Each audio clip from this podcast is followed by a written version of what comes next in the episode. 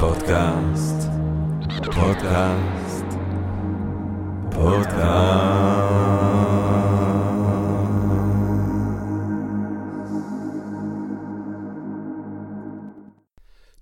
טוב, אה, ברוכות וברוכים הבאים, גבירותיי ורבותיי, לפודקאסט של Think and Ring Different, פודקאסט למי שאוהב לחשוב ולשתות.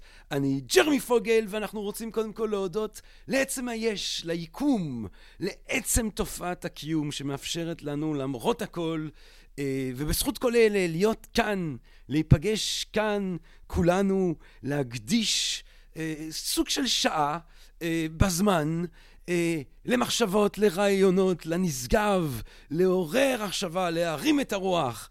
אה, הוא היום, גבירותיי ורבותיי, היום אנחנו רוצים לדבר, אה, ואולי ברוח התקופה הפוליטית מאוד עם הבחירות, אבל איפשהו תמיד יש פוליטיקה, אה, ואיפשהו אה, האיש שאנחנו רוצים לדבר עליו הוא תמיד רלוונטי. אני רוצה לדבר על מקיאוולי. אנחנו רוצים להבין את מקיאוולי. אנחנו רוצים להבין את הפוליטיקה השטנית של ניקולו מקיאוולי. ואני אומר אה, פוליטיקה שטנית, כי מקיאוולי בעצם אומר לנו דבר נורא. הוא אומר שכדי להצליח להשיג כוח, כדי להצליח בפוליטיקה, כדי להצליח להתקדם, צריך לוותר על עקרונות מוסריים. אין, זאת אומרת, אם היינו חיים בעולם שבו היה אפשר להיות טוב, ובזה שאתה טוב אתה גם תעשה טוב, כן, זה עולם אלוהי. אבל אם אנחנו בעולם שגם אם אתה רוצה לעשות טוב כדי להיות במעמד לעשות טוב, אתה צריך לעשות רע, כן? אנחנו פתחנו דלת לשטן. אנחנו פתחנו דלת לאפשרות, כן? אה, של עולם שבו בעצם אה, אין אפשרות מוסרית שלמה, כן? הכי טוב שאנחנו יכולים לקוות לעשות זה לצמצם את הרע שאנחנו נאלצים לעשות כדי לעשות טוב. אבל יכול מאוד להיות מצב שאפשר פשוט להשעות את הטוב ולהמשיך ולעשות רע ולעשות טוב רק לעצמי. וכל השאלות האלה, גבירותיי ורבותיי, בעצם עולות מתוך ניתוח מבריק, מבריק גאוני, של פילוסוף בשם ניקולו מקיאוולי, ניתוח שלו איך איך אתה משיג כוח, ואם השגת כוח, איך אתה משמר אותו. מקיאוולי בנסיך מנתח בעצם את השאלה הזאת, מנסה לענות על השאלה הזאת, אה, ואז אה, משתקף משם תפיסת עולם שמעיזה להסתכל על המציאות בצורה המוסרית. בצורה שטנית אולי, במובן הזה. וכדי לדבר על הפוליטיקה השטנית של ניקולו מקיאוולי, אה, הזמנו כאן לפודקאסט אורח שתמיד בא בשמחה ובששון. אה, תמיד הוא שמח להיות כאן איתנו אה, ולהיות שותף אה, למיזם הזה כאן. אה, ואני מדבר כמובן על דוקטור ג'רמי פוגל. אז דוקטור ג'רמי פוגל, אה, שלום רב. שלום רב. האם תרצה, דוקטור ג'רמי פוגל, לדבר איתנו משהו כמו שעה ורבע נגיד, על הפוליטיקה השטנית של ניקולו, של ניקולו מקיאוולי? כמובן! כמובן שאשמח לדבר על הפוליטיקה השטנית של ניקולו מקיאוולי. מצוין, דוקטור ג'רמי פוגל. אז הנה, יאללה, בוא נתחיל. הנה מתחילים. הנה זה קורה. הנה, ניקולו מקיאוולי. ישר בווריד הצוואר. טוב, אמ... תראו, אני קודם כל אה, נתחיל עם התנצלות אה, לניקולו הצדיק. אה, אני מדבר על פוליטיקה שטנית של ניקולו מקיאוולי. הסברתי גם למה, ועוד מעט נחזור לזה, אני משתמש בביטוי הקשה הזה, אבל זה רק צד אחד של הסיפור. זאת אומרת, זה שהוא חשף... את האפשרות הזאת, זה שהוא הוביל אותנו לחשוב את האפשרות הזאת, לא אומר. ובנסיך זה לא אומר ש... ש... שלא היו לו כתבים רבים אחרים, ושבאופן גורף הוא בעצם בסופו של דבר היה בן אדם אצילי, אדם טוב, אדם שרצה לקדם ערכים שאנחנו היינו מזהים אולי כערכים פוליטיים טובים. אדם שקידם ערכים פוליטיים רפובליקניים. זאת אומרת, הוא קידם בתקופתו ערכים רפובליקניים שהם כנראה, אני מניח, ערכים שגם אנחנו רואים לנגד עינינו, כן? ערכים שמדגישים את ה... אפשר לומר, איכות חייהם של, ה, של העם, כן, רס פובליקה, כן, האוצר של הפובליקום, של העם, ערכים בעצם דמוקרטיים, זאת אומרת, בהרבה מובנים הפוליטיקה שמקיאוולי עצמו היה שמח לקדם, היא הפוליטיקה שגם אנחנו היינו שמחים לקדם. מצד שני, מצד שני, השם שלו, מקיאוולי, כן, הפך ממש לשם אה, נלווה לתואר, לכל דבר או לכל פעולה שהיא חסכת מצפון, שהיא רמאית, שהיא ערמומית, שהיא ארסית, שהיא הונאתית, כן, אה, אה, מקיאוולי, ואני חושב שבעברית אומרים את זה קצת פחות, הוא ממש מקיאוולי, אבל באנגלית, בצרפתית, הפך ממש לשם גנאי, כן, לבדיוק הפוליטיקה הנוראית הזאת, המשקרת, הטריקים, השטיקים, שאנחנו מכירים כל כך טוב. יש מעט אנשים, כן, אני תמיד אוהב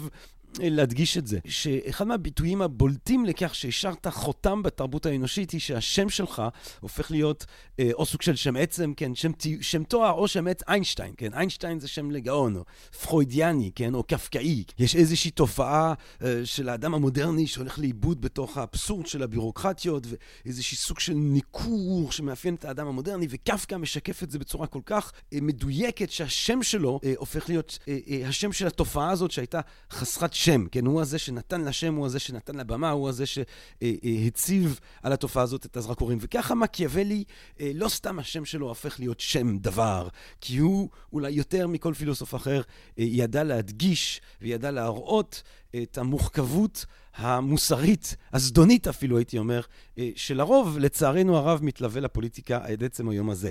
אה, המשורר האנגלי ג'ון דון מתאר אותו כמנסה להצטרף לחצרו של לוציפר בגיהנום, אה, ויש אף שטענו שהכינוי לשטן באנגלית, אולד ניק, הוא בעצם מבוסס על שמו הראשון, כן? ניקולו, כן? אז גם מקיאוולי אה, זה שם אה, גנאי, אה, יש לומר אולי, וגם אולי ניקולו הפך להיות אולד ניק הבריטי, למרות שזה לא בטוח.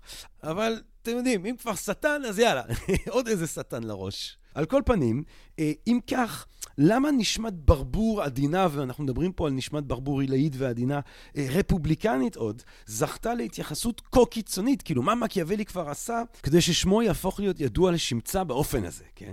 עכשיו, כדי בעצם לבדוק איך הופך מקיאוולי לשם נרדף לפוליטיקה שטנית, בצדק או שלא בצדק, חשוב להבין את ספרו המהפכני אה, שבו אנחנו נתמקד בעצם, הנסיך, כן? אה, בעצם אנחנו נתמקד היום על הנסיך של מקיאוולי. אה, צריך להבין את הספר הזה בהקשר הפילוסופי הרחב שלו. כן, מהי המשמעות הפילוסופית של המהפכה של הנסיך של מקיאוולי? אה, כאמור, אנחנו נתרכז בנסיך, לא בספרים אחרים שבהם, אגב, הוא מקדם באמת את הפוליטיקה היותר נאורה ורפובליקנית, אה, שהיא אולי אה, כזאת שהיינו רוצים לראות, כן?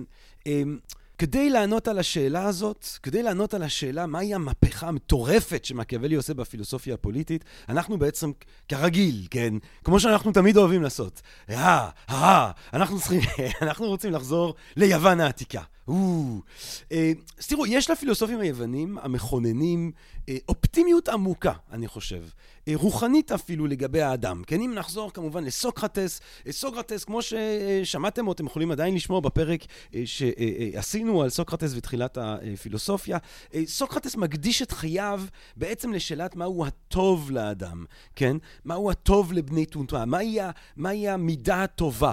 כן? מהי הארטה, הסגולה הטובה, המידה הטובה, המצוינות האנושית, ארטה, המושג היווני היפהפה הזה, שהוא תמיד מחפש אותו. תמיד בעצם השאלות שלו מכוונות בסופו של דבר לשאול את השאלה הזאת, כן?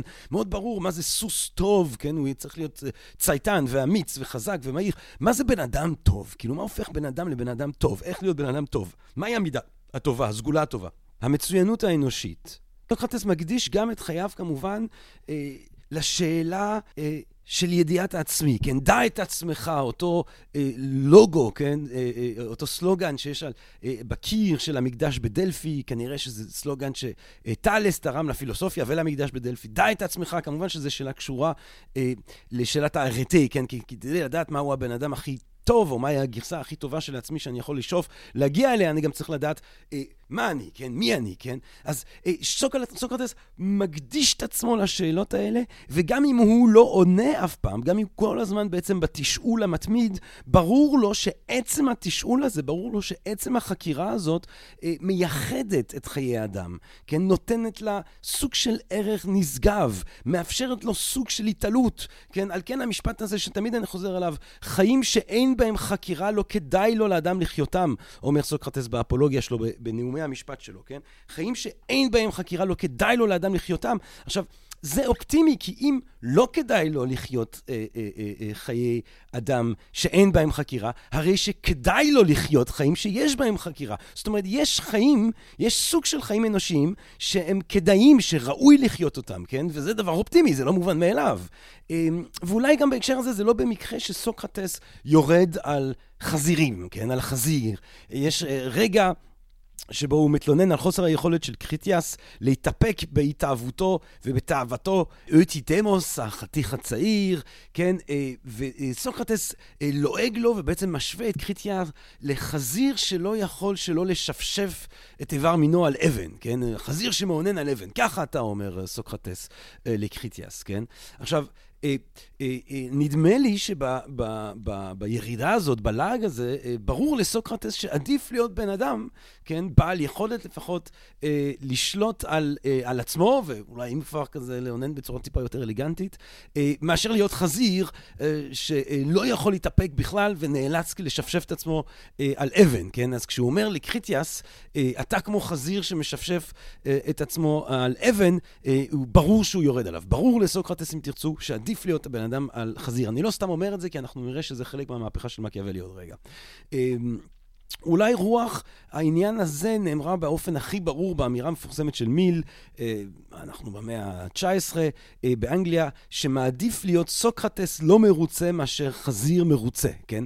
לג'ון סטוארד מיל, אה, כמו לסוקרטס עצמו, ברור שעדיף להיות בן אדם עם היכולת הזאת, הנשגבת של חיי חקירה, מאשר להיות חזיר אם חזיר אה, חרמן, או אה, אם חזיר מבסוט יש, כן? גם עדיף, אפילו אם החזיר מבסוט, אה, עדיין עדיף להיות בן אדם, כן? הדבר הזה ברור להם.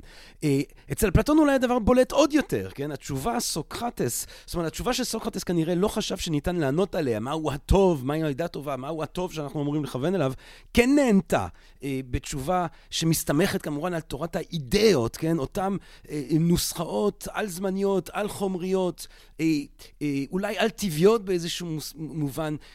אה, עצם ההגדרה של הטוב, עצם הצורה, האידאה של הטוב שקיימת מעבר למערה, שקיימת יותר משאנחנו אה, קיימים, שאנחנו אבל כן יכולים אה, לפתח בנו את היכולת לצפות אותה ולראות אותה אה, ולהבין אותה, כן? אמנם זה יחידי סגולה, אבל זו חתיכת אה, יכולת, כן?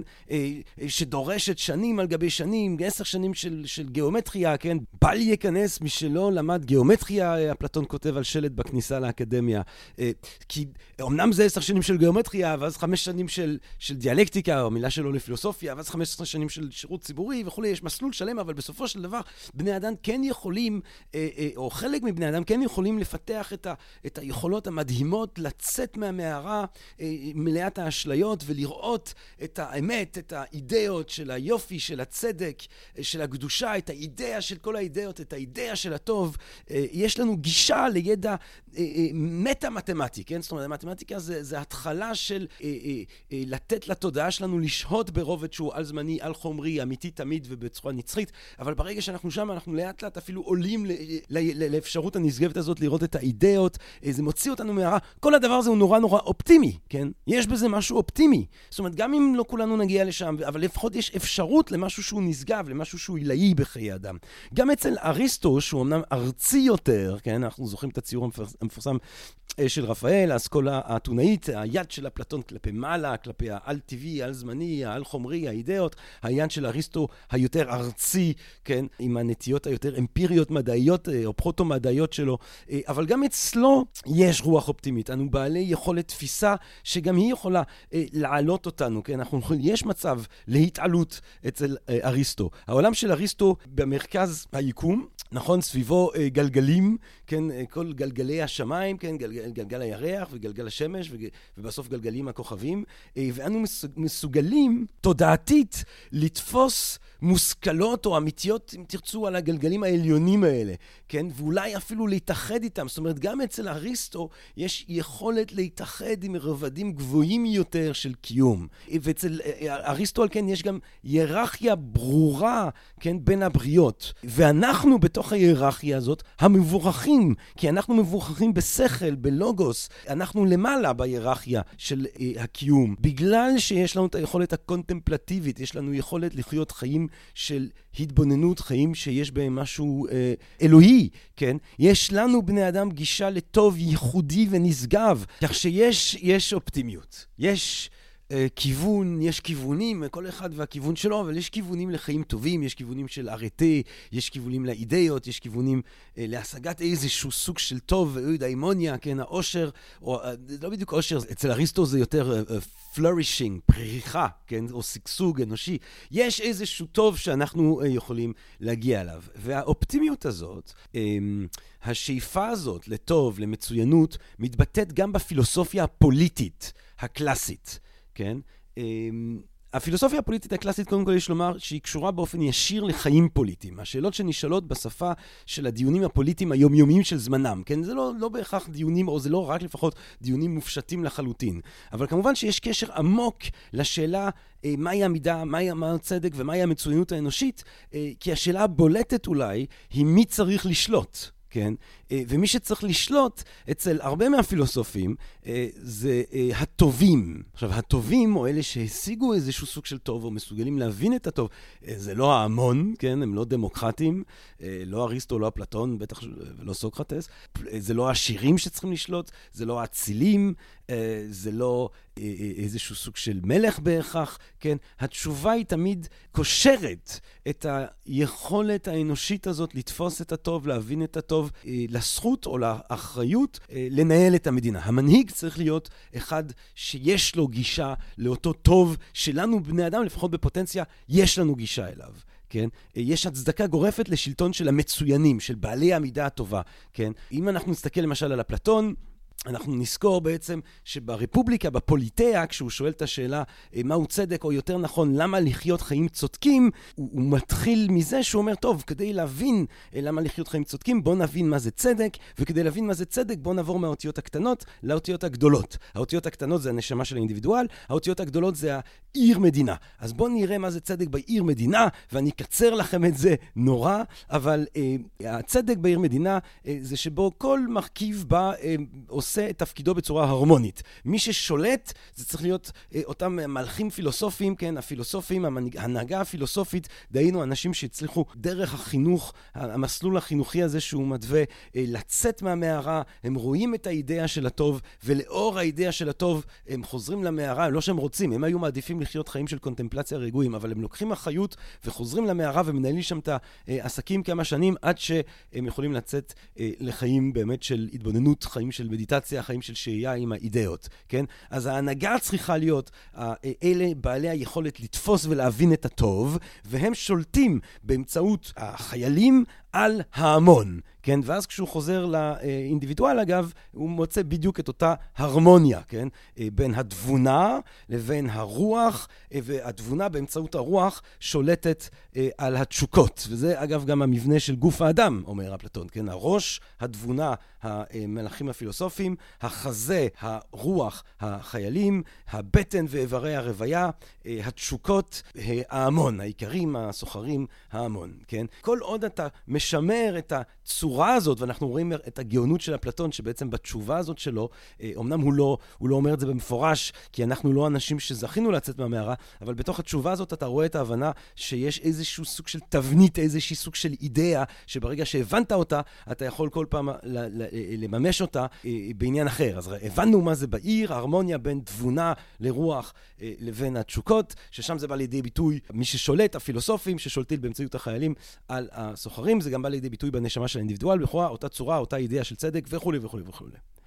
אה, אז אפלטון אמנם לא דמוקרט ליברלי בשום פנים ואופן, אה, הוא חושב שאנשים בטבען אה, שונים ולא שווים באיכותם, אבל הוא חושב שפוליטיקה צריכה להיות מנוהלת על ידי הטובים. מי זה הטובים? אנשים שמסוגלים לראות את האידאה של הטוב, כן? גם אריסטו אמנם, כאמור, כבר אמרתי, אריסטו יותר ארצי, אבל גם הפוליטיקה שלו, או הפילוסופיה הפוליטית שלו, משקפת איזושהי סוג של אופטימיות. זאת אומרת, יש אפשרות לפחות לנהל פוליטיקה ש, שמובילה לאיזה, לאוידאימוניה הזאת, כן? לטוב האנושי, לפריחה, כן, של האדם, כן? בכלל, אריסטו חשב שהפילוסופיה הפוליטית, או המדע הפוליטי, הוא, הוא מדע פרקטי. זאת אומרת, הוא לא למען ידע ישירות, אלא הוא מאפשר... השגת הידע, כן? וככזה הוא המדע המקיף ביותר, הוא התחום המקיף ביותר של הפילוסופיה, כי הוא מכיל את המסע המקיף ביותר אל הטוב האנושי. כן, פוליטיקה נכונה מאפשרת את החיים הטובים לאינדיבידואל ולקהילה הפוליטית, ואת שניהם הוא רוצה לכוון לטוב. כאמור, הטוב האנושי, אודאימוניה, חיים של, אה, שבא לידי ביטוי בחיים של התבוננות, אה, קונטמפלציה תבונית מתמדת, ו, וכאמור, הדבר מאפשר, או יש אפשרות אצל אה, אריסטו להפעלת הנפש בהתאם למידה טובה. אמנם, שוב, הוא קצת יותר ארצי מאפלטון, המידה טובה היא תנאי, תנאי הכרחי, אבל היא לא תנאי יחיד לחיים מאושרים אצל אריסטו, כן? אצל סוקרטס ניסה לנווט למקום, או אפלטון אולי, שבו אם אתה בן אדם טוב, אם אתה בן אדם שמחפש, אה, אולי אפילו מוצא את האריתי, הרי שאתה תהיה מאושר והעולם החיצוני לא יכול להרוס לך את זה. אה, מבחינת אריסטו היותר ארצי, עושר אה, תלוי גם במקחיות, כן, ברצון האל. למשל, אריסטו, אריסטו חשב שאנשים, נגיד אתה נולד מכוער, כן, אם אתה מכוער, אז יהיה לך יותר קשה. לחיות חיים של אודאימוניה, הוא חושב, כן? דווקא סרש גנסבור לא מסכים. סרש גנסבור אמר, הכיעור עדיף על היופי כי הוא לא חולף. כן? אה, אבל אריסטו גם מדבר על זה שיכולים להיות לך ילדים נוראים, כן? שזה באמת איזה עניין, שאתה יש, אתה בן אדם סבבה, ואתה חי את החיים שלך יפה, ואתה חי לפי המידה טובה, והכל הולך כמו שצריך, אה, ואתה בתוך עיר שמכוונת אה, לאפשרות של לא יודע אמוניה, והיא מוסדרת כמו שאריסטו חושב שצריך שיהיה, אבל נולד לך ילד בלתי נסבל, כן? ולפעמים זה קורה שיש לך ילד בלתי נסבל, או ילדה בלתי נסבלת, שרק כאילו מוצצת ממך עוד ועוד, וכסף ומאמצים, וכל מה שאתה עושה זה לא עוזר, ואין שום הבעת תודה והוקרת תודה אף פעם, והדבר הזה פשוט כאילו אה, מוביל אותך לכיליון גמור, כן? הילד הנורא הזה שלך. אז, אז, אז יש גם אלמנט של מזל בחיי אדם. אה, אבל שוב, העיר מכוונת לטוב עליון כלשהו. זאת אומרת, גם אצל אפלטון, גם אצל אריסטו, יש אפשרות להשגת טוב כלשהו בחיים האלה, והפוליטיקה צריכה להיות מכוונת לאיזשהו סוג של טוב, ומי ששולט צריך להיות אלה שיודעים לכוון לטוב הזה, כן? זוהי הפילוסופיה הפוליטית הקלאסית, שמושגים כמו טוב, מושגים כמו אריטה, מושגים אה, אה, אה, שיש בהם אופטימיות, אני רוצה לומר, אה, הם מרכזיים לחשיבה הפוליטית שלהם, כן? וזה מה שאנחנו צריכים ככה לזכור אה, כשאנחנו הולכים עכשיו להסתכל על מקיאוולי, ובעצם האבא של הפילוסופיה הפוליטית המודרנית, כן? עכשיו, מודרנה. אני חושב שדיברנו על זה כמה פעמים, אבל המילה הזאת, מודרנה, בעצם אה, משקפת עדיין מסורת של הרנסאנס, ההיוולדות מחדש, אותה תנועה שמתחילה בפירנצה במאה ה-14, כן, אה, והיא בעצם מגדירה את עצמה כמשהו חדש, כהיוולדות מחדש, אחרי מה שהיא מכנה את ימי הביניים או ימי החושך, אותם האנשים האלה פחות אהבו, כן, הם הסתכלו אחורה לתקופה הקלאסית, כן, ומשם גם השם, אז יש את התקופה הקלאסית, ואז יש ימי הביניים, והנה אנחנו עם הרנסאנס, אה, ואז בעצם... אה, אה, אה, תנועה אינטלקטואלית שמובילה למהפכות שהן המהפכות המכוננות של המודרנה. יש את במאה ה-15 את המצאת הדפוס, אז פתאום הרעיונות יכולים לנוע ביתר שאת במרחב. יש את קולומבוס שמגיע עד לאמריקות ומפגש עם מה שיכונה אחר כך הפראי אציל, כן, פתאום אנחנו פוגשים אנשים מתרבויות שונות לחלוטין משלנו, לא שמעו על ירושלים, לא שמעו על ישוע, ועדיין יש שם אנשים טובים, עדיין יש שם סוג של מוסר. כל הדבר הזה מוביל להטלת ספק גדולה, כי אם הקדמונים פספסו את אמריקה כולה, אז אולי הם פספסו עוד דברים וכולי. יש כמובן את המהפכה המדעית כבירה בחשיבותה, קופרניקוס 1543, על תנועתם של גורמי השמיים, מתפרסם עם מותו באותה שנה, אה, אה, אה, וכבר הרעיונות האלה נעו במרחב קצת לפני, אבל בעצם כמובן המהפכה ההליוסנטרית, לא כדור הארץ, אלא השמש במרכז מערכת השמש. ואז כמובן יש גם את המהפכה הדתית, הכה חשובה, הרפורמציה הפרוטסטנטית, כן? כי אם אירופה חיה תחת הכנסייה הקתולית, שאני חושב שכדאי אולי לחשוב על זה כאל סוג של דאעש, שבמשך אלף שנה מדכא, לפעמים יותר, לפעמים פחות. פחות, אבל יש שם איזה כוח של דיכוי אינטלקטואלי ושל, ושל האטה של ההתפתחות האינטלקטואלית והמדעית והפילוסופית שהייתה אולי יכולה להיות אה, בתנאים אחרים, אה, והדבר הזה סוף סוף משתנה בעקבות המהפכה הפרוטסטנטית שמרטין לותר מכונן אותה, כן, לותר הוא איזשהו כומר קתולי, אז כולם קתולים, וב-1517, לפי הסיפור, שאולי אמיתי, אולי הוא יותר אגדה, אבל לא משנה, הוא דופק עם מסמר בדלת של הכנסייה בוויטנברג את דיון לשם בירור תוקפם של שטחי המחילה, הידוע בכינוי המקוצר 95 התזות, כן, אה, דיון לשם אה, בירור תוקפם של שטחי המחילה, כי הוא כמובן מתרעם נגד הרעיון הזה שאנשים אה, אומללים שם, שהוא רואה אותם בגרמניה, איכרים פשוטים צריכים לשלם כסף כדי לקבל מחילה מה, מה, מהמאפיה הזה שם בוותיקן ברומא. הדבר הזה מבחיל בעיניו, כן? בתוך 95 התזות הוא שואל כל מיני שאלות, ביניהם מספר 86, אני תמיד אוהב לצטט, מדוע האפיפיור שהאושר שלו היום גדול יותר מאשר האושר של העשירים הכי עשירים אינו בונה את אותה כנסייה לפטרוס הקדוש עם הכסף שלו, ולא עם הכסף של המאמינים העניים. כן, בדיוק הם בונים שם את הכנסייה המדהימה לפטרוס הקדוש, אה, סנט פיטרס, אה, קתדרלת סנט פטרוס, שעד היום בעצם, כן, זה הבניין המפורסם של הוותיקן, אה, ומרטין לותר רוצה להבין למה הדבר הזה נעשה עם החשבונות, או על חשבון של אותם עניים אומללים, ולא על חשבון של האפיפיור עצמו, שחי חיי מותרות, שאין דברים כאלה בכלל, כן? והמהפכה הפרוטסטנטית בעצם, גם היא מעודדת ספק, כי פתאום אנשים יכולים להתחיל לשאול, רק שנייה, מי בעצם צודק כאן מבחינה דתית? הוותיקן או אולי הפרוטסטנטים? אה, יש לדבר הזה גם השפעה גורפת על אה, תחילתם של תהליכי חילון באירופה. אה, גם לותר בעצם שורד בזכות ואולי נתמך על ידי גורמים פוליטיים חילוניים שרואים בו הזדמנות להשתחרר מרומא, כי הם אומרים, טוב, כן, הרי למה, איך זה שלותר לא מיד נסחף? כי יש כל מיני גורמים, גרמניה אז היא, היא, היא אסופה גדול של, של המון שטחים עצמאיים שנשלטים על ידי כל מיני משפחות אריסטוקרטיה, וחלק מהמשפחות האלה אומרות, וואלה, אולי אנחנו לא ניתן אותו לרומא, אולי נשמור אותו כאן, הלותר הזה. כי אם אולי יש פה איזו מהפכה דתית, אז אולי גם אנחנו נוכל להשתחרר מרומא, אה, ויש לנו את האינטרסים שלנו. אה, מעבר לכך, אה, לותר בעצמו מחזיק ברעיון שהאדם אזרח ברובד האלוהי והארצי, ויש להפחיד בין דת ומדינה. כדי, ש, כדי שבאופן הזה, שתיהן תעשו את מה שהאל רוצה מהם לעשות. זאת אומרת, בתוך הפרוטסטנטיות עצמה, יש גרעינים של רעיון חילוני של הפרדת דת ומדינה, וזה דברים שהולכים להתחיל לקחות בעשרות ומאות שנים אחרי האירוע הזה. אז המהפכות האלה, המהפכה הגיאוגרפית, מהפכת הדפוס, המהפכה המדעית, המהפכה הדתית, כל אלה הם הדברים שאנחנו אה, מתבוננים בהם ורואים בהם כתחילת המודרנה. וזה בדיוק בתקופה הזאת אה, שצץ לנו הגיבור שלנו היום, אה, ניקולו מקיאוולי. כן, 1469, 1532, נתפס גם פשוט כמי שמכונן את מדעי המדינה המודרניים, את הפילוסופיה הפוליטית המודרנית.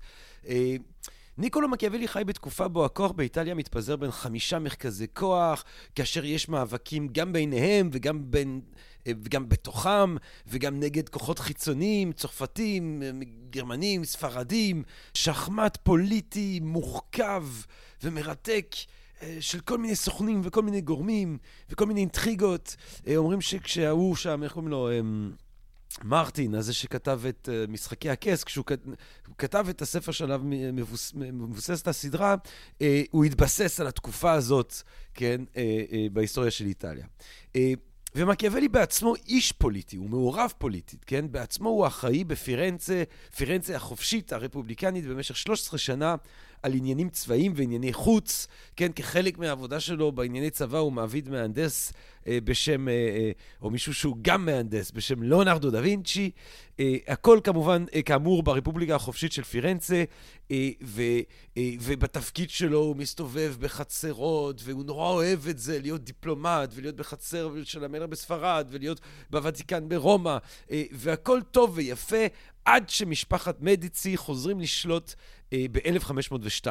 קודם כל הוא פוטר, אה, ואז אפילו הוא מואשם בקונספירציות, הוא נאסר, אה, הוא עובר עינויים נוראים, כן? הוא עובר איזשהו עינוי מסוים שבו קושרים ככה את הזרועות שלך מאחורה, ואז מרימים אותך מהזרועות, ואתה תלוי בחבל, ואז משחררים את החבל, וכמה מטרים או איזה קצת מעל האדמה החבל נגמר, ובום! מהלחץ זה שובר לך את הכתפיים, ואז מרימים אותך שוב, מרימים, בום, מפילים, שוב שוברים עוד את הכתפיים. עינויים נוראים, וזה חשוב לקחת את זה בחשבון, שאנחנו הולכים לדבר בעצם על הפילוסופיה של בן אדם שעבר את הטראומה הנוראית הזאת. אה, הוא ניצל אה, מעונש מוות רק בעקבות חנינה כללית אה, שבני המדיצ'י נותנים אה, בעקבות זה שאחד מהמשפחה הופך לאפיפיור. אגב, בדיוק האפיפיור אה, המדיצ'י, אחד הגיבורים הגדולים שלי, לאו העשירי, כן, אה, שהוא אותו אפיפיור שנותן כתבי מחילה למי שתורם לשיקום הבלזיליקה של פטרוס הקדוש, אה, שמדרבן את לותר, שדיברנו עליו לרקע. אה, הוא, לאו העשירי בגדול, נהנה מזה שהוא נבחר להיות אפיפיור, כן? אם האל נתן לנו את האפיפיורות, הוא אמר, בוא נהנה ממנה. ואיך הוא נהנה ממנה, כן, יש לו, הוא מסתובב על הנו, הפיל הלבן שלו, שהוא מקבל ממלך פורטוגל, ומסיבות, ו- וקרנבלים, ומאהבות, ומאהבים, וחיים יפים, היה ללאו העשירי ואומנות, ולבקש ממיכאלנג'לו עבודות כשאתה רוצה איזשהו משהו יפה. ואז כשהנו, הפיל הלבן האהוב שלו, חולה, אז נותנים לו לשתות אה, מים עם חלקיקי זהב, כדי שזה יעזור לו, אבל אז יש לו, ש... הוא משלשל את עצמו למוות, ואיך אנחנו... אנחנו עצובים על הנו. אה, כיף גדול, כיף גדול, אה, לאו עשירי. אז זה עולם, אה, אה, אז, אז ברגע שלאו עשירי, שהוא, בני, אה, שהוא מבני משפחת מדיצי, עולה לאפיפיורות, הם ככה ברגע של אה, אופוריה משחררים את כל האסירים, אה, ואז מק... מקיאוולי אבל כן הוגלה, כן, אל מחוץ לעיר פירנצה, ושמה אה, האיש המריר הזה, האיש שעבר את העינויים הנוראים האלה, האיש שראה גם את הצד המפלצתי של הפוליטיקה, הצד המניפולטיבי, השקחני, אה, האימתי של הפוליטיקה, הכואב, האלים שלה, אה, אה, כותב את הנסיך. כן? את הספר הקטן הזה שנקרא הנסיך, הוא נכתב בגלות מרה, כן? על ידי בן אדם ממורמר. חשוב לזכור את זה. עכשיו, אה, בואו נראה קצת את הפסימיות הזאת, כן? אם דיברנו על אופטימיות, התחלנו מהאופטימיות היוונית, וברור שאנחנו, שעדיף להיות בן אדם מאשר להיות חזיר, ולבני אדם יש איזושהי גישה אה, לארטה או לאיזשהו טוב אה, עליון, אפילו ליכולת לראות את האידאות או לאודאימוניה. אז בואו נראה מה מקיאוולי חושב. או מי מקיאוולי חושב יותר מאושר, איזה גורל, גורל מקיאוולי חושב עדיף. בשיר שלו, החמור, אנחנו פוגשים חזיר בבוץ אה, שבגלגולו הקודם היה בן אדם. אבל החזיר של מקיאוולי מסרב לחזור וללבוש את צורתו המקורית. הוא מעדיף להמשיך להתפלש בבוץ, בכיף שלו, אה, ולא לחוות שוב את חרדות הקיום האנושי. הוא אומר, אם הטבע נתנה לכם ידיים ולשון לדבר, אה, הוא מסביר, ועימם הוא מוסיף, ועימם היא נתנה לכם גם שאפתנות ותאוות בצע המקזזות את מענקיה, כן? אז תראו עד כמה יש לנו בעצם כבר את ההיפוך הזה שאני רוצה לדבר עליו כאן. כן, ההיפוך ממצב שברור לסוקרטס, אה, כמו למיל במאה ה-19, אבל ברור לסוקרטס ולעתיקים שעדיף להיות אדם מאשר להיות חזיר, והנה, אצל מקיאוולי עדיף להיות חזיר אה, מאשר להיות אדם. כן, אנחנו פוגשים פה הגות פסימית. אה, טבע האדם הוא יציב, יש טבע אדם, אבל טבע האדם הוא רע, כן? אה, בגלות המרה הזאת שלו שם בפאתי העיר, או למחוץ לעיר פירנצה, הוא מתלבש בערב בלבוש של חצרות וארמונות, אותם הוא כל כך אהב לבקר, אה, ואז הוא נכנס לעולם של העתיקים. כן, יש מכתב נורא יפה שבו הוא מתאר את התהליך אה, של כתיבת הנסיך, והוא אומר את הדבר הבא, אני מצטט: עם בוא הערב אני חוזר הביתה ונכנס לחדר העבודה. על המפתן אני פושט את בגדיי היום-יום המלאים בבוץ וברפש, ולובש בגדים היעים לחצר מלך או אפיפיור. ולאחר שהעליתי עליי כסות ראויה, אני נכנס לחצרותיהם העתיקים של הקדמונים, והם מקבלים את פניי באהדה. שם אני ניזון מאותו מזון שהוא שלי בלבד, ואשר בשבילו נולדתי. שם איני בוש לדבר איתם ולשאול על הסיבה לפעולותיהם, ואלה באנושיותם עונים לי, ובמשך פרק זמן של ארבע שעות אינני חש כלל שעמום, אני שוכח את כל הדאגות, אינני חושש מהעוני, המוות אינו מבהיל אותי, אני מטמיע את עצמי בהם כל כולי. זאת אומרת, מקיאוולי, כן, כל היום בבוץ וברפש ועם, ועם העיקרים האלה, ורחוק מהעולם אה, אה, של האליטה הפוליטית שהוא השתייך אליה פעם, אבל בלילה הוא מוריד את הבגדים עם הבוץ והרפש, הוא שם לעצמו את הבגדים שהוא היה נוהג לשים כשהוא היה מבקר בחצרות של מלכים, והוא נכנס לחצרות של העתיקים, כן? והוא קורא אותם, והוא מדבר איתם, והוא משחח איתם, והוא שואל אותם, כן? אה, והם עונים לו, וככה הוא חושב, ובהגות, ויש לו איזשהו רגע של השעיה של הסבל סביבו ובתוכו. בשיחה שלו עם הקדמונים הגדולים. אבל אמנם הוא מדבר איתם, והוא נורא נהנה מה, מהארבעה שעות האלה ביום, אבל הוא כן מאוד יעז להתווכח איתם, הוא מאוד יעז לסתור אותם, כן? עכשיו, מה זה הנסיך הזה? אפשר לראות בספרון הזה סוג של ניסיון אולי לחזור לגדולות מדינאיות, כן? סוג של מכתב פנייה למעביד, אם תרצו. הספר כבר מסתובב בעצם אה, אה, בכל מיני צורות מאז 1513, גם אם הוא פורסם אה, רק חמש שנים לאחר מותו של מקיאוולי, כזכור, הוא עומד ב-1532, אז הוא רק מתפרסם בעצם ב-1537. אז, אז יש לדבר הזה את האפשרות של, אפשר לחשוב על הדבר הזה כסוג של מכתב פנייה, כי בעצם הנסיך הולך לתת את הסוד, כן, שכל מנהיג רוצה אה, לדעת איך אם אין לי כוח, אני מגיע לעמדת כוח, ואם הגעתי לעמדת כוח, איך אני משמר את הכוח, כן? איך אני מגיע לשלטון אם אני לא בשלטון, ואם אני בשלטון, איך אני משמר את השלטון, כן? אה, אלה הם השאלות שמקיאוולי עונה. עכשיו, אה, אה, מטפל בהן. עכשיו, הדבר הזה לא מצליח כמכתב פנייה, אולי כי אי אפשר בשום פנים ואופן הרי להיראות כאילו שאתה פועל לפי העקרונות שמקיאוולי חושב שהם תכלס העקרונות שעובדים, וזה גם מקיאוולי עצמו אומר, כן? אה, על כל פנים מדובר על ספר שערורייתי.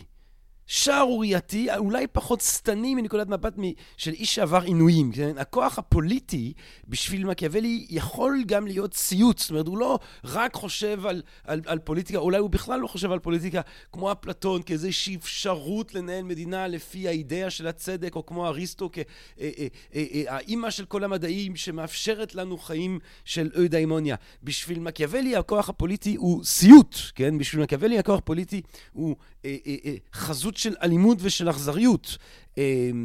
השם, האיש האשם או האיש שנמצא אשם עומד מול מערכת עוצמתית, אל בר תמותה, כמו שאומר הופס, ששופט אותו, ששובר אותו, כן? מן הסתם זאת לא מערכת שאמורה אה, אה, בעיקרה להוביל לטוב בעיני איש שחווה אותה ככזה, כן?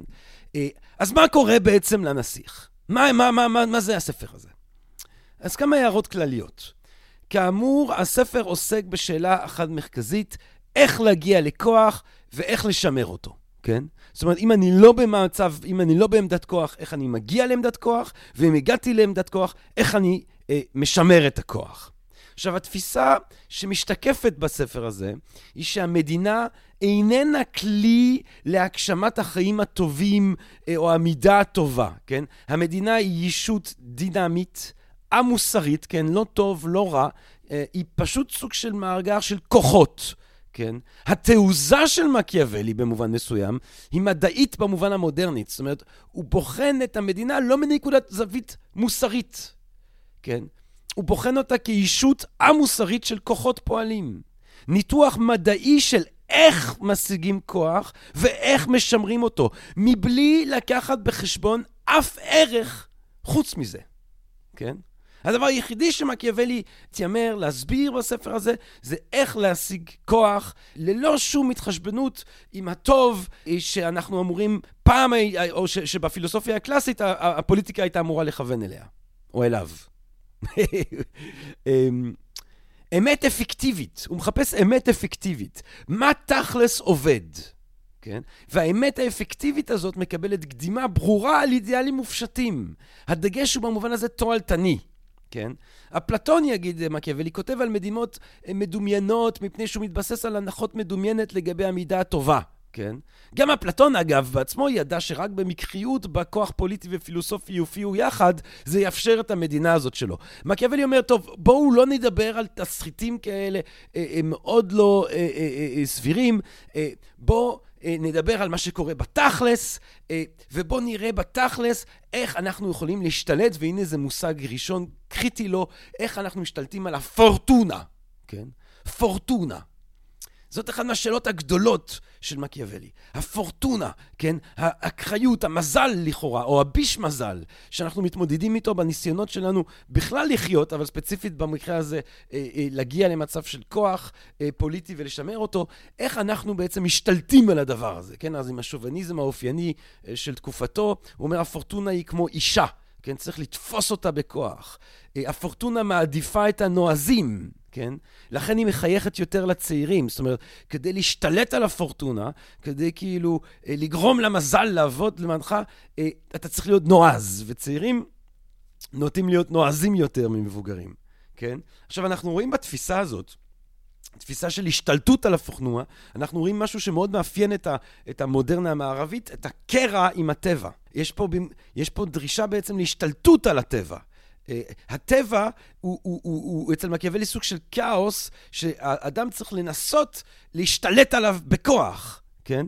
כי מבחינת מקיאוולי אפשר במידה מסוימת לשלוט על הפורטונה. כן? זה מאוד שונה מהרעיון היווני שבו המדינה היא אה, דבר אורגני. ראינו שאצל אפלטון, כמו שיש את האדם האינדיבידואלי, אה, האותיות הקטנות, האותיות הגדולות זה עיר מדינה. שניהם הם כאילו אורגניזמים טבעיים כאלה, כן?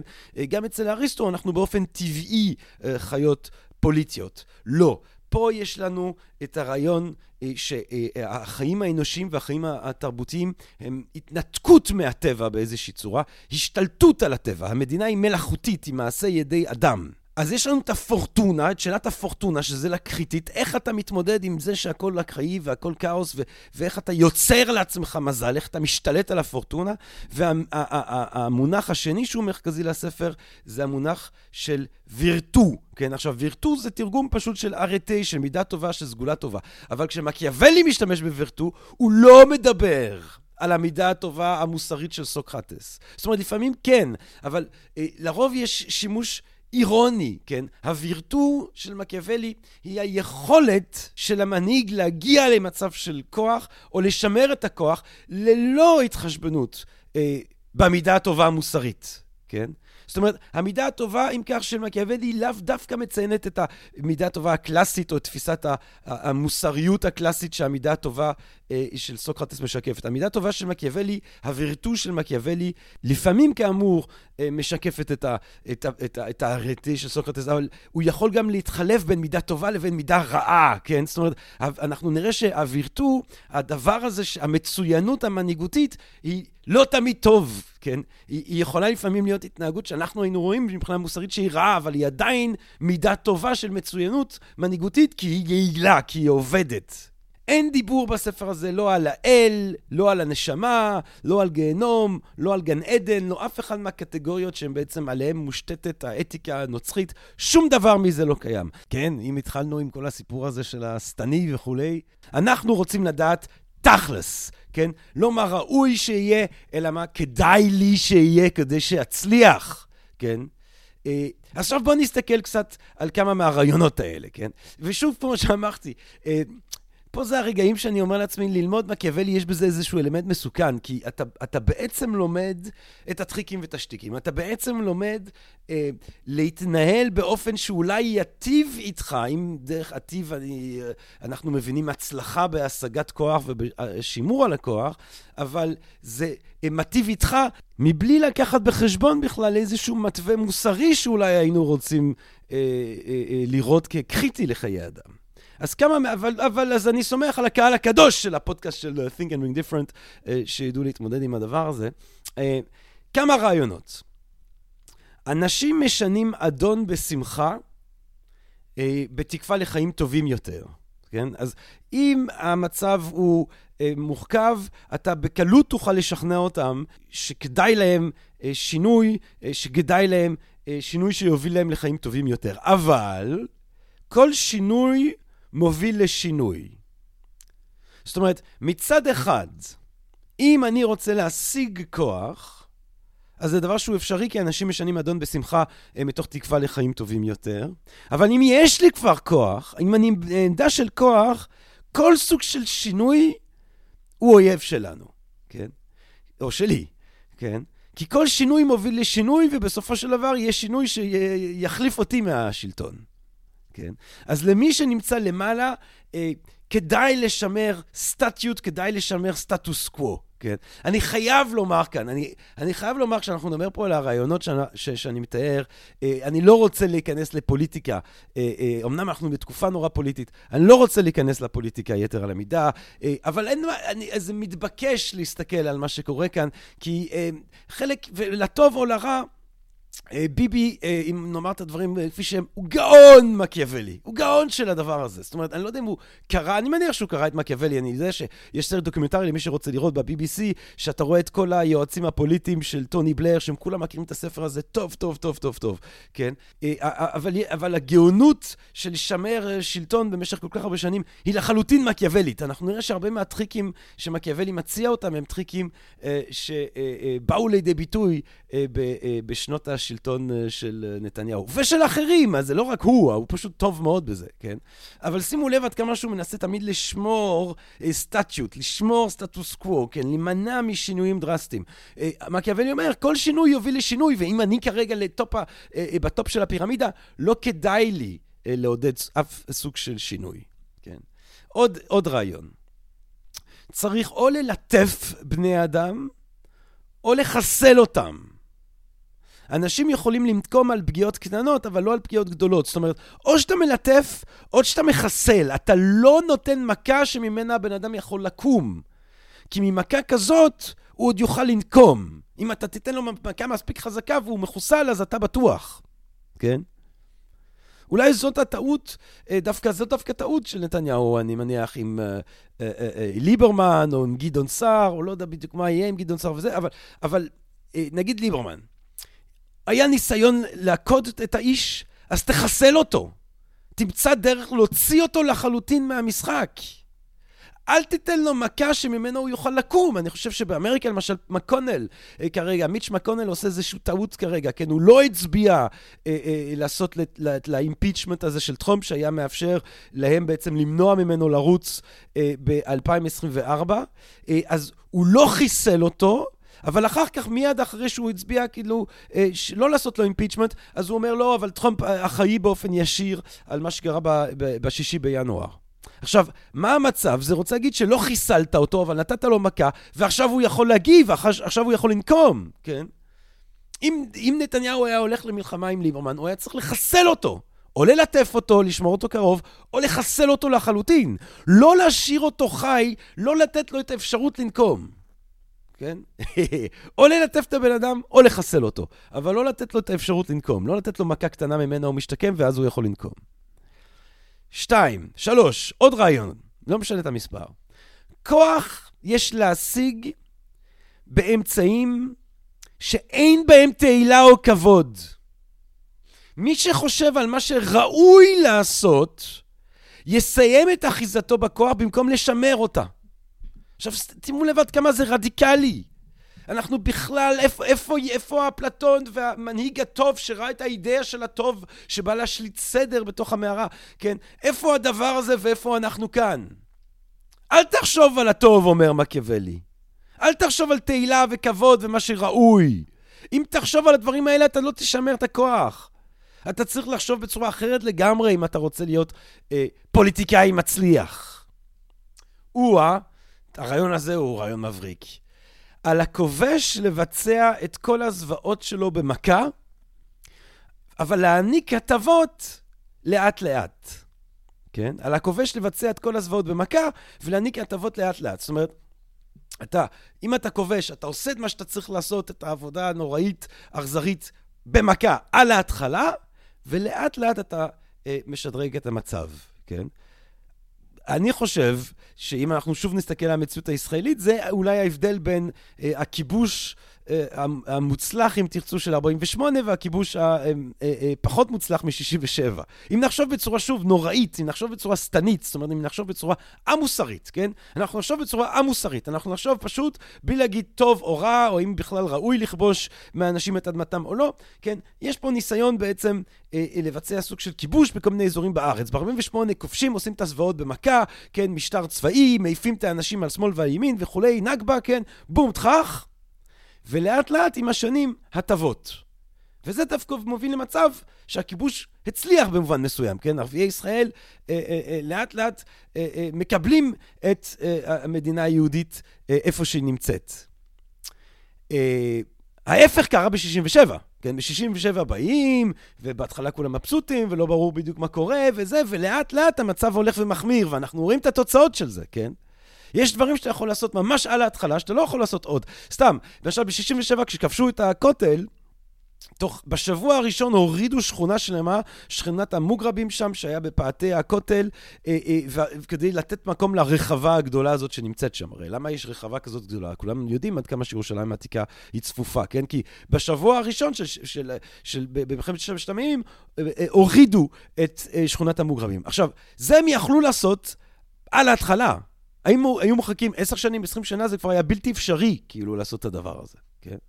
על הכובש, אומר ימקבלי, לבצע את כל הזוועות במכה, אה, ורק אה, אה, להעניק הטבות לאט-לאט. לגבי השאלה, נקודה נוספת, האם עדיף שיפחדו ממך, או שיאהבו אותך? אז הוא אומר, עדיף גם וגם. האידיאל, באופן אידיאלי, גם מפחדים ממך וגם אוהבים אותך. אבל אם צריך לבחור, עדיף שיפחדו ממך, כי זה בשליטתך. זה לא בשליטתך אם אוהבים אותך. יכולים לאהוב אותך, יכולים להפסיק לאהוב אותך. אבל לפחד ממך, אתה יכול לדאוג מזה שיפחדו ממך. אז קודם כל תדאג מזה שיהיה מערכת יחסים של פחד, של מורא, כן? הלוואי שיאהבו אותך גם, אבל שלא תהיה תלוי ברגשות ובנטיות של הקהל, כן? כדאי להיראות כאילו שיש לך כל מיני איכויות, הוא אומר, למרות שאין לך אותן. ולמרות שאתה פועל בצורות הפוכות לחלוטין. זאת אומרת, מקיאוולי מציע את ההתחלה של PR, כן? את ההתחלה של שיווק פוליטי שכזה, שבו אתה אה, מנסה להצטייר כאדם הגון, ישר, אמיץ, טוב, אבל בעצם אתה אה, אה, אה, אה, מניפולטור, אה, אה, אה, פחדן, אה, אה, אה, אה, שחושב רק על עצמו, כן? גם אם, גם אם נכון לפעול באופן כזה כדי להגיע לכוח, גם אם כדי להגיע לכוח כדאי להיות שקרן אה, אה, ומניפולטור, אתה צריך להיראות כאילו שאתה לא, כן? או, הנה, הנה עוד רעיון אה, שלא מפסיק להיות נכון. לא סביר להניח שאדם עם נשק יציית מרצון לאדם ללא נשק, כן? לא סביר להניח שאדם עם נשק יציית מרצון אה, לאדם בלי נשק, כן? אה, אומר מקיאוולי. טוב, ועכשיו אולי באמת לנקודה השערורייתית ביותר, מרוב שהיא ישרה, כן, ובוטה. צריך לפעמים להיות לא טוב. צריך לפעמים להיות לא טוב. לא טוב, כן? לא, את, ואנחנו בשיא התקופה הנוצרית וזה, צריך לפעמים להיות לא טוב, לא לציית לא למוסר הנוצרי ולא למוסר של סוקרטס, לא כלום. כן, צריך לפעמים לחשוב, כדי להיות מנהיג, כדי להשיג כוח, כדי לשמר כוח, צריך לדעת להיות לא טוב. בואו נקרא, בואו אני אקחי לכם את הקטע הזה בפרק ט"ו אה, אה, אה, של הנסיך, אה, על אותם דברים שבגללם זוכים בני אדם, ובמיוחד נסיכים לשבח או לגנאי. והוא מתחיל ככה. נשאר כעת לראות באילו אופנים ודרכי ממשל צריך הנסיך לנהוג בנתיניו ובידידיו. והיות שידוע לי כי רבים כתבו על כך, אני חושש שיחשבו עליי שאני יומרני, מפני שגם אני כותב על כך. ובמיוחד משום שבטענותיי בעניין זה אני חולק על שיטותיהם של אחרים. אבל הואיל וכוונתי הייתה לכתוב דבר מועיל למי שמבין אותו, נראה לי שנכון יותר ללכת הישר אל האמת התכליתית של הדבר ולא אל דמיונו. ורבים ציירו להם בדמיונם רפובליקות ונסיכויות שמלעולם לא נראו או הוכחו כקיימות באמת. כי כל כך רב המרחק בין איך שחיים ובין איך שראוי היה לחיות, עד שמי שזונח את מה שעושים לטובת מה שהיה צריך לעשות, לומד לגרום לעצמו יותר הרס מאשר שימור, כן? אז הוא בעצם אומר, תראו, אני יודע שהרבה אנשים כתבו על זה, ויכול להיות שזה יומרני שאני פתאום, אה, אה, מקיאוולי הקטן, אה, מצטרף. אבל אני, אני כותב משהו שהוא תכלס מועיל.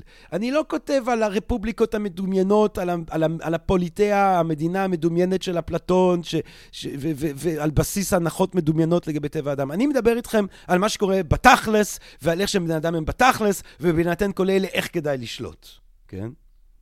כי אם אתה תחשוב על איך שדברים אמורים להיות, ולא איך שהם באמת, אה, אתה תאבד את הכוח שלך. אתה צריך לבחון את הדברים כפי שהם באמת. כי אדם אומר מקיאוולי שרוצה להיות טוב במוצר מכל הבחינות, הכרח שייהרס בין רבים כל כך שאינם טובים. ולכן נסיך שמבקש להשתמר, נחוץ שילמד להיות מסוגל להיות לא טוב. ולהשתמש ולא להשתמש בכך על פי הצורך. סקנדל הדבר הזה, זה סקנדל. זה שערורייתי להעיז לכתוב את זה. אני בטוח שאנשים לא חיכו למקיאוולי כדי להתנהג ככה, כן? רוב הסיכויים שהאנושות הפוליטית ובכלל התנהלה ככה, אה, אה, אה, אולי מאז ומעולם, אבל בתוך ההקשר של התרבות האורבית, מקיאוולי פשוט אומר, הנה, הנסיך עירום אם תרצו, כן? זה מה שזה, וככה צריך שזה יהיה כדי שזה יהיה אפקטיבי, כן? ותראו מה הוא כותב עוד בהמשך אותו הקטע. הוא אומר בהמשך, יתרה מזאת, אל לו לדאוג לנסיך, כן, שמא ידבק בו קלונן של אותן מידות רעות שבלעדיהן בקושי יוכל להציל את המדינה. כי אם שוקלים היטב את הכל, יימצא דבר מה שיראה כמידה טובה, ואם יאמץ אותה, יהיה זה חורבנו, ודבר אחר שיראה כמידה רעה, ואם יאמץ אותה, יצמח ממנו ביטחונו אה, ורווחתו, כן? זאת אומרת, גם אם זה ייראה רע שאתה עושה דברים שאנשים תופסים אותם כדברים רעים, עדיין בחישוב הכללי כדאי לך לפעמים לעשות אותם, אה, כי אם אתה לא תעשה אותם, אתה תאבד את משטרך, כן? זאת אומרת, אני לא חושב שמישהו, גם תומכי נתניהו הכי גדולים, וגם נתניהו עצמו, וגם אנחנו, כולנו מבינים שהוא משקר, כן? אין פה, אין פה כבר ספק. ברור שהבן אדם משקר. כן? אבל כדאי לו לשקר, כי לומר את האמת זה משהו שיעלה לו בשלטונו. אז הוא כדאי לו להמשיך לשקר, למרות שיש על זה קלון, כן? אבל גם כן קלון, אז אנשים לא כזה אכפת, אומרים, טוב, עדיף שיהיה לנו ראש ממשלה שקרן, ושיהיה לו את היכולות המקיאווליות האלה, וש, ו, ו, ו, ואולי לפעמים האינטרסים שלו ושלנו הם אותו אינטרס, ואז הוא יקדם גם אותנו, כן? אה, מאשר אה, ראש ממשלה שאומר תמיד את העומד ושהוא כולו טוב. אה, אה, אה, זאת אומרת, כדאי לשלם את המחיר הזה של הקלון, אומר מקיאוולי, אה, כי האופציה השנייה זה פשוט לאבד שלטון. אז שיחשבו שאני שקרן. אני מש... הוא... היא יודעת שאני משקר, אני משקר, אני יודע שאני משקר, אתם יודעים ש... כולם יודעים שאני משקר, אבל אה, זו לא הנקודה. הנקודה היא שאני משמר פה את משטרי, כן? אה, עכשיו, זה נורא, כי ברגע שאנחנו מפסיקים לחשוב על כל הפעילות הפוליטית הזאת מנקודת זווית מוסרית, ברגע שאנחנו מסירים מהדבר הזה טוב ורע, אז מה נות... אנחנו נותרים רק עם המניפולציות המקיאווליות, כן? אני, נדבר על זה בסוף. על, על, על המשמעות ועל ההשלכה של הדבר הזה, נדבר על זה בעוד כמה רגעים.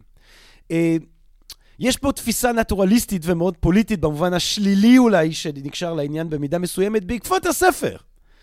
זאת אומרת, כי אם אנחנו חושבים, כן, אם אנחנו חושבים על פוליטיקה, שוב, הפוליטיקה הקלאסית זה הדבר הכי גבוה והכי נשגב, זה הפוליטאה, כן, אנחנו אה, ישויות פוליטיות מזה שיש לנו שפה, אומר אריסטו, אנחנו חיות פוליטיות, זה מה שמסדיר את החיים בינינו, זה מה שמאפשר אה, אה, אה, עיר מדינה הרמונית, אה, שיתוף פעולה קהילתי הרמוני וכולי, זה אמור להיות דבר כל כך נשגב. במילים שלנו, פוליטיקה זה דבר נמוך, כן, אומרים, אה, אני לא רוצה להיכנס לתחום הזה. זה, כי זה, יש בזה מלא פוליטיקה, אני לא רוצה שם, כי יש מלא פוליטיקה, יש פוליטיקה פה, יש פוליטיקה שם, ותמיד זה, זה, זה לא במובן הנשגב או הפלאי של המילה, זה במובן השלילי, המקיאווליסטי, כן? אה, מקיאוולי במובן הזה הוא זה ש, שנתן לפוליטיקה את השם הרע הזה, או שהוא לפחות חשף את, ה, את האיכויות האלה שלה באופן הכי אה, ברור, הכי מובהק אה, בספר הזה שלו, הנסיך.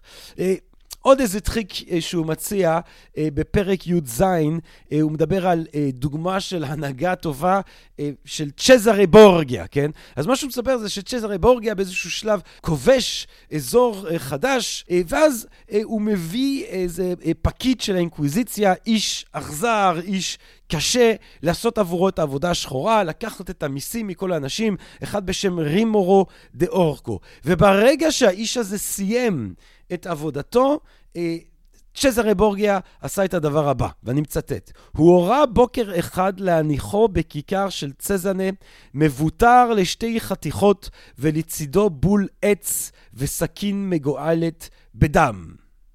עזותו של המחזה הותירה את העם שבע רצון ועמום כאחד, כן? עכשיו, מה פה, מה פה מבריק? מצד אחד, הוא נותן את העבודה השחורה, את העבודה אה, אה, אה, הלא פופולרית למישהו אחר, כן? והמישהו הזה עובד תחתיו, אבל הוא, לא, הוא, הוא חוטף את השנאה העממית. אז כשהעם קם ורואה את האיש הזה אה, חתוך לשתי חתיכות אה, באמצע הכפר, כולם נורא מבסוטים. אומרים, וואו, כאילו, הנה הלך לנו הרימר האפס הזה, מניאק. ובד בבד, הם גם יודעים מאיפה משתין הדג. זאת אומרת, בד בבד, הם גם מבינים שעם צ'זרה בורגיה לא משחקים. כן? אז הוא גם אה, נתן להם משהו שהם רצו, נקמה ברימרו דה אורקו, אבל גם מבהיר להם, כן, שאיתי לא מתעסקים. שאני בעל הבית, שאני הכוח העליון. עכשיו, אני חושב שמשהו דומה, אולי באיזשהו סוג של אה, אה, עדינות, כן, בסובלימציה מסוימת, הוא הנוהל של אה, ראשי ממשלה ישראלים למנות כשר האוצר, כן, וזה משרד מאוד קשה, כי אתה צריך, לרוב צריך לעשות החלטות לא פופולריות, למנות כשר אוצר את מי שהם מפחדים ממנו. זאת אומרת, למנות את מי שאתה רוצה בעצם אה, להפיל, כן, אה, בשר אוצר. כן, שרון מינה את נתניהו, נתניהו מינה את אה, לפיד, ואז את כץ. זאת אומרת, דווקא מי שאתה חושב שאולי יש איזשהו סיכוי שמתישהו יאיים על שלטונך, שים אותו שר האוצר, כן? שים עליו את העבודה הכי פחות פופולרית, אה, ואז, כן, אה, הוא בעצם, אה, העם יהיה שמח על נפילתו. הניבל מתאר עוד כל מיני מנהיגים שאולי בדרך כלל, כן, בצורה קצת פרובוקטיבית, מנהיגים שבדרך כלל היו נתפסים כנורא אכזרים ונורא קשים, והוא דווקא בא להלל את מנהיגותם, כמו למשל הניבל, כן? הניבל, שהטרור של רומא, הניבל הקרתגי, הניבל הפורטס, כן? הניבל בדלתות, הניבל אה, בשערים עם הפילים האלה שלו, שעבר את האלפים, וסיוט של כל, אה, סיוט של כל ילד רומאי. אה, אז הוא אומר, מה? אז עם כל הדיבור על האכזריות שלו ועל ה... אף לא חייל אחד, אף לא חייל אחד אה, מרד בהניבל. אז אולי דווקא האכזריות הזאת של הניבל היא דפוס של הנהגה חיובית, כן? מעניין לחשוב גם, על, אגב, על המשמעות של הניבל אה, בתוך התרבות הישראלית, ההנהגה הישראלית, כן, יש את נוהל הניבל עכשיו, אם חס וחס נחטף חייל, אז נוהל הניבל, אם הבנתי נכון, זה לפוצץ פשוט את כל האזור, על אה, תושביו, נשים, ילדים, זקנים, החוטפים, החייל, כולם אה, ביחד, כן, אה, ימות נפשו עם הפלישתים, אם תרצו. גם, אולי מקיאוולי היה אומר אותו דבר, אכזרי, אבל יעיל, כן? לא, מוס, לא, לא מתחשב במוסר, יתר על המידה, אבל עובד. טוב, מצחיק. אמ, על הנסיך להיות גם שועל, גם אריה, כן? אה, בקיצור, מה שאנחנו מוצאים כאן אה, זה פסימיות גדולה. טבע אדם יציב ורע. לא כדאי ולא ראוי שיהיו לך משקעים מוסריים שבעצם יסיטו ממך מלעשות את מה שבאמת עובד בעולם הזה, כן? וזה, אני חושב, אולי לסיכום, המורכבות אה, של הספר הגאוני הזה של הנסיך של מקיאוולי. אגב, אתם פשוט יכולים לקרוא את הספר הזה, כן? זה ספר אה, אה, קצר, נגיש, מרתק, מסקרן, עם איזושהי תחושה כזאת, קצת מפחידה שאתה, שנחשפים בפניך כלים אה, להתקדם בחיים, אבל להתקדם באופן שאולי סותר, אני מניח, ואני יודע שהקהל של Think and Ring Different, של הפודקאסט שלנו, הוא קהל קדוש, אז הוא, הוא יסתור את הרגישות המוסרית שלכם, ואז פתאום תגידו, וואי, מה, אני באמת רוצה להיות נסיך של מקיאוולי?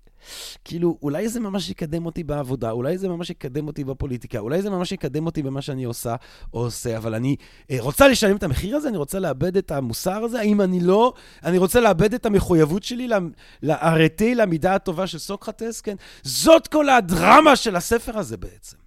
כי הספר הזה אומר, תראו, אין, אין אפס. אתה רוצה להצליח בפוליטיקה, אתה חייב להתלכלך, אבל מה זה להתלכלך? אתה חייב להפסיק להיות מוסרי. זאת אומרת, יכול להיות שאתה נכנס לפוליטיקה כדי לקדם ערכים מוסריים, אבל המשחק הפוליטי הוא כזה שאתה חייב לוותר על המוסר שלך כדי לקוות בכלל לקדם איזשהו משהו. כן, לפחות לפי מקיאוולי. כן? ואז כמובן יש את ה... תראו, כי שוב, אם כבר אמרתי אה, אה, ביבי, ושוב, לא, בלי לקחת צעד וזה...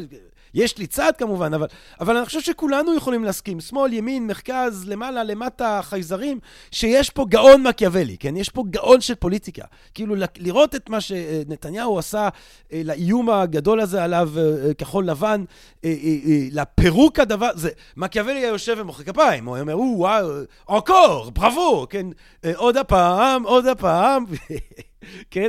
אה, אה, וזה גם על, על גב של מעשה של השתלטות מדהימה בפורטונה, כי, כי ההופעה הפתאומית של הקורונה הזאת, אחרי הבחירות השלישיות, כששוב פנטקו אה, אה, שלישי, פתאום מגיע פתאום, כן, ביבי כאילו משמר, משמר, מחזיק, מחזיק, מחזיק, תוקע את המערכת, מחכה שקורה איזשהו משהו, בום, פתאום קורונה, וויט, דרמה בהתחלה הייתה את ההיסטריה הזאת, סוף האנושות, סוף הזה, סוף הפעל, לחצים מטורפים על גנץ אה, להיכנס אליו, מביא את גנץ, באם, למחרת הכל נרגע, מפרק לו את המפלגה, את הזה, את הפה, בינתיים מביא את החיסונים, מסדר את הבחירות בדיוק אחרי החיסונים. זאת אומרת, ההשתלטות הזאת על הפורטונה, וגם זה מקיאוולי היה אומר, אוי, כל הכבוד, יש לנו פה רב אומן, כן? השתלטות על, הפור... על, על הפורטונה היא, היא מדהימה, כן? אני כן, אני חושב שאולי אם הפורטונה מעדיפה את, את הנועזים, היה את הרגע הזה באוגוסט שהיה אפשר להתחיל את הבחירות אז, אני חושב שאולי זה היה הרגע אה, שנתניהו צעיר יותר, נועז יותר, היה כבר קובע את הבחירות אז.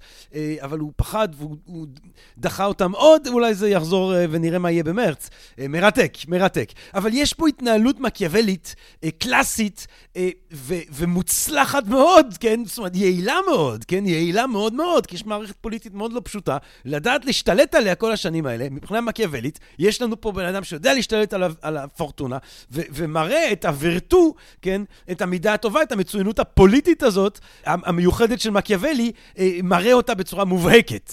אה, ואז כמובן יש, ואני, ואני יכול לחלוטין להבין את הגישה, אני חושב, הרווחת בארץ, שאנשים אומרים, אבל אנחנו, אה, איך אמר האוסטרלי הזה על טראמפ, יש איזה כומר אוסטרלי שישב בכלא, כמובן על uh, עניינים מיניים עם ילדים וזה, והוא אומר על טראמפ, הוא ברברי, אבל הוא הברברי שלנו לפחות, כן?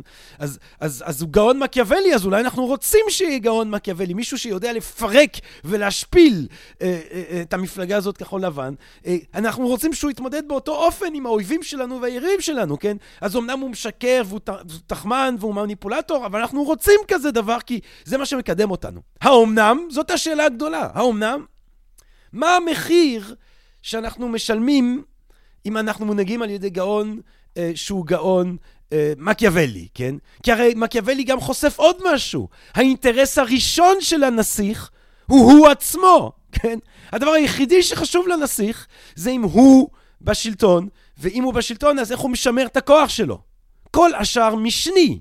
אז במידה והאינטרסים שלו ושלנו הם אותו אינטרסים, המצב יכול להיות דווקא די מדהים. במידה והאינטרסים הם כבר לא אותם אינטרסים, יש לנו בעיה גדולה, כן? אה, אה, אתם יודעים, אני פעם, זה כמו שקראתי פעם את ה... יש כל מיני טיפים אה, אה, סוטרה, על איך, איך להתחיל עם אה, נשים, כן? איך להכשים נשים, איך להתחיל בצורה רומנטית. ואני זוכר שקראתי את הספר הזה איזה פעם, אה, ויצא לי כמה ימים אחרי זה באיזה מסיבה, אה, ואני מדבר עם מישהי שהיא, נורא נחמדה ונעימה, ואני ככה פתאום רואה את עצמי אה, מתחיל להשתמש אה, במה שקראתי בקמה סוטרה. מתחיל, אה, וזה נורא, והפסקתי לקרוא את הקמה סוטרה. הדבר הזה הפחיד אותי. אמרתי, מה, מה, מה, זה משוגע כאילו? זה משוגע ש... אני לא רוצה עכשיו להשתמש בכל מיני טריקים, כאילו, מה זה? כן? ואני חושב שהנסיך, יש בזה משהו אה, אה, קצת אה, דומה. שאתה קורא את הספר הזה ואתה אומר, וואי, אשכרה, וואט, בואנה, זה נראה לי טוב, זה נראה לי עובד, זה נראה לי יקדם אותי. אבל מצד שני אתה אומר, האם אני באמת רוצה תמורת השגת כוח ושמירתו לוותר על המוסר, כן? זאת השאלה הגדולה. זאת השאלה הגדולה שכל אחד מכם, אה, כשהוא יקרא את הספר הזה, צריך להחליט. אני חושב באופן כללי שמוסר זה דבר הרבה יותר מוחשי ממה שאנשים חושבים שהוא. אני כן אגיד את הדבר הזה, אחרי שהיינו עכשיו במוסריות, אני כן רוצה לומר שיש אה, נטייה לפעמים לחשוב שמוסר זה עניין של פילוסופיה, וזה עניין מופשט, וזה נחמד, וזה נעים, וכותבים על זה מבחנים באוניברסיטה. לא! מוסר אה, זה ההתמודדות היומיומית שלי. אני קם בבוקר, אני אוכל, יש החלטה מוסרית. האם אני אוכל מוצרים מהחי, האם אני לא אוכל מוצרים מהחי. אני אה, אה, אה, מקבל טלפון ממישהו שזקוק לעזרה, אבל הוא קצת מעצבן אותי, אני צריך לבחור אם לענות או לא לענות. מוסר, כן. כל רגע ביום, כל רגע ביום יש החלטה מוסרית. כל, אני כן חושב שכמו היוונים, אני כן חושב שהחברה, המוסריות של החברה שבה אנחנו נמצאים, כן בסוד משפיעה עלינו מהיסוד, זה כמו אוויר, זה כמו חמצן קיומי, כן? אז אני לא יודע אם, אם כדאי לנו לזרום עם מקיאוולי ולהגיד, לא, המנהיג היעיל הוא גם המנהיג הטוב. אולי דווקא המנהיג הטוב זה אחד שיודע, שמוכן להקריב את כוחו למען הטוב של הכלל, למשל. כן? ואולי מנהיג, ואם אנחנו נחשוב שמנהיג יעיל זה המנהיג הטוב, אה, אז אולי אנחנו בעצם נחיה בחברה שלא רואה בכלל מוסר, שרק חושבת תועלתני, שרק חושבת אה, אה, אה, על מה עובד בתכלס. והאם אנחנו רוצים לחיות בחברה כזאת? כן? האם זאת החברה שאנחנו רוצים, שבה אין משמעות לטוב, טוב זה רוצה להגיד עובד בתכלס? כן? אני לא יודע. אני לא יודע אם אני הייתי רוצה לחיות בחברה כזאת. אה, אבל מה שבטוח, מה שבטוח, זה שהשאלות האלה, הקושיות האלה, באים לידי ביטוי באופן מובהק בספר הזה, הנסיך של ניקולו מקיאוולי, כן? אה, ספר שעכשיו אולי קצת יותר ברור מה אמרתי בפתיח, הפוליטיקה השטנית של מקיאוולי, כן? מקיאוולי, שעכשיו אני חושב רואים, אנחנו רואים את המהפכה המטורפת שהוא עושה. ממצב שהפוליטיקה היא כל כולה תמונה בתוך ראיית עולם אופטימית ומוסרית, כן? לפוליטיקה שטמונה בריאל פוליטיק, לפוליטיקה שטמונה במציאות, אה, בתפיסה גם די פסימית של המציאות, בתפיסה של התכלס, של התועלתני, של מה שעובד, של מה שפועל. כן. וכשאנחנו חושבים פוליטיקה, אנחנו אה, במיוחד היום ובמיוחד כאן חושבים על פוליטיקה במובן של מקיאוולי. לצערי אולי הרבה פחות על פוליטיקה במובן של אריסטו, של סוקרטס, של, של אה, אה, אפלטון, כאיזשהו סוג של כלי להשגת טוב, כאיזשהו סוג של כלי אה, ליצירה חברה שהיא טובה. אנחנו חושבים על פוליטיקה כאל מאבק של כל מיני קטנים כאלה אה, וגדולים שרוצים להיות נסיכים אה, של מקיאוולי. כן? אה, ועובדה היא שעד היום הספר הזה פועל כסוג של מדריך אה, לכל פוליטיקאי מתחיל. אז מי שרוצה לרוץ לכנסת בשנים הקרובות, אה, רוצו קודם כל לחנות ספרים לקנות את הנסיך של ניקולו מקיאוולי, ולכולנו כדאי לקרוא את הספר הזה, גם כדי לדעת מול מה אנחנו עומדים כשאנחנו עומדים מול הפוליטיקאים של דורנו, וגם כדי לחשוב את השאלות האלה. כן? אה, כי אה, פילוסופיה היא לא, אתם, תמיד אני נורא מתלהב מהפילוסופים שאני מדבר עליהם, ואז אנשים אומרים, וואי, אתה מקיאווליסט, או אתה הכי שפינוזיסט, או אתה הכי ניטשיאני. אני לא יודע, אבל אני חושב שיש עניין רב לשוחח איתם. כמו שמקיאוולי עצמו אהב לשים את, ה, אה, את, ה, את הבגדים היפים שהוא היה שם במשימות הדיפלומטיות שלו, ו, ונכנס לאיזה חדר ולארבע שעות מאבד את, ה, את עצמו ומוצא מזור לסבל בשיחות עם הקדמונים הגדולים, כן? ככה גם לנו יש את האפשרות. האפשרות הנשגבת הזאת להיכנס לשיחה עם אפלטון, עם אריסטו, עם סוקרטס, אה, אה, עם מקיאוולי. ואנחנו לא חייבים להסכים, אנחנו לא חייבים להסכים, אבל עצם הדיאלקטיקה עם מישהו כמו מקיאוולי רק תחדד את העמדה שלנו, כן? או אני אשתכנע, או אני נורא אחדד את העמדה שלי אל מול הספר הכל כך מעורר הזה, והכל כך מורכב ובעייתי הזה, אה, הנסיך. אז זה מה שאני רציתי להגיד בגדול למקיאוולי, אה, כאן בפרק שלנו הפעם. תחשבו על הדברים, אמ, לא, לא צריך להסכים, לא צריך לקבל, אני דווקא הייתי מעודד אפילו עכשיו בצורה ביקורתית, אבל אה, אי אפשר שלא, אני חושב, אה, לבחון בכוח ובעוצמה של המהפכה הזאת שמקיאוולי עשה בחשיבה את האדם המערבי, את הפוליטיקה, ובכוח ובעוצמה של הכתיבה שלו, של הרעיונות שלו. אה, אחד מהספרים, הנסיך של מקיאוולי. טוב, אני נורא מקווה, גבירותיי ורבותיי, קהל הקדוש של Think and Different, שאתם נהניתם מהפרק הזה בפודקאסט שלנו. אני מקווה מאוד שנהניתם מהפרקים שכבר הקלטנו, מאלה שבעזרת השם נמשיך ונקליט, ובינתיים, רק טוב שיהיה לכם נשמות צדיקות, רק בריאות, אה, רק שמחה וששון, אה, כל טוב, אה, ונשתמע. פודקאסט, פודקאסט, פודקאסט.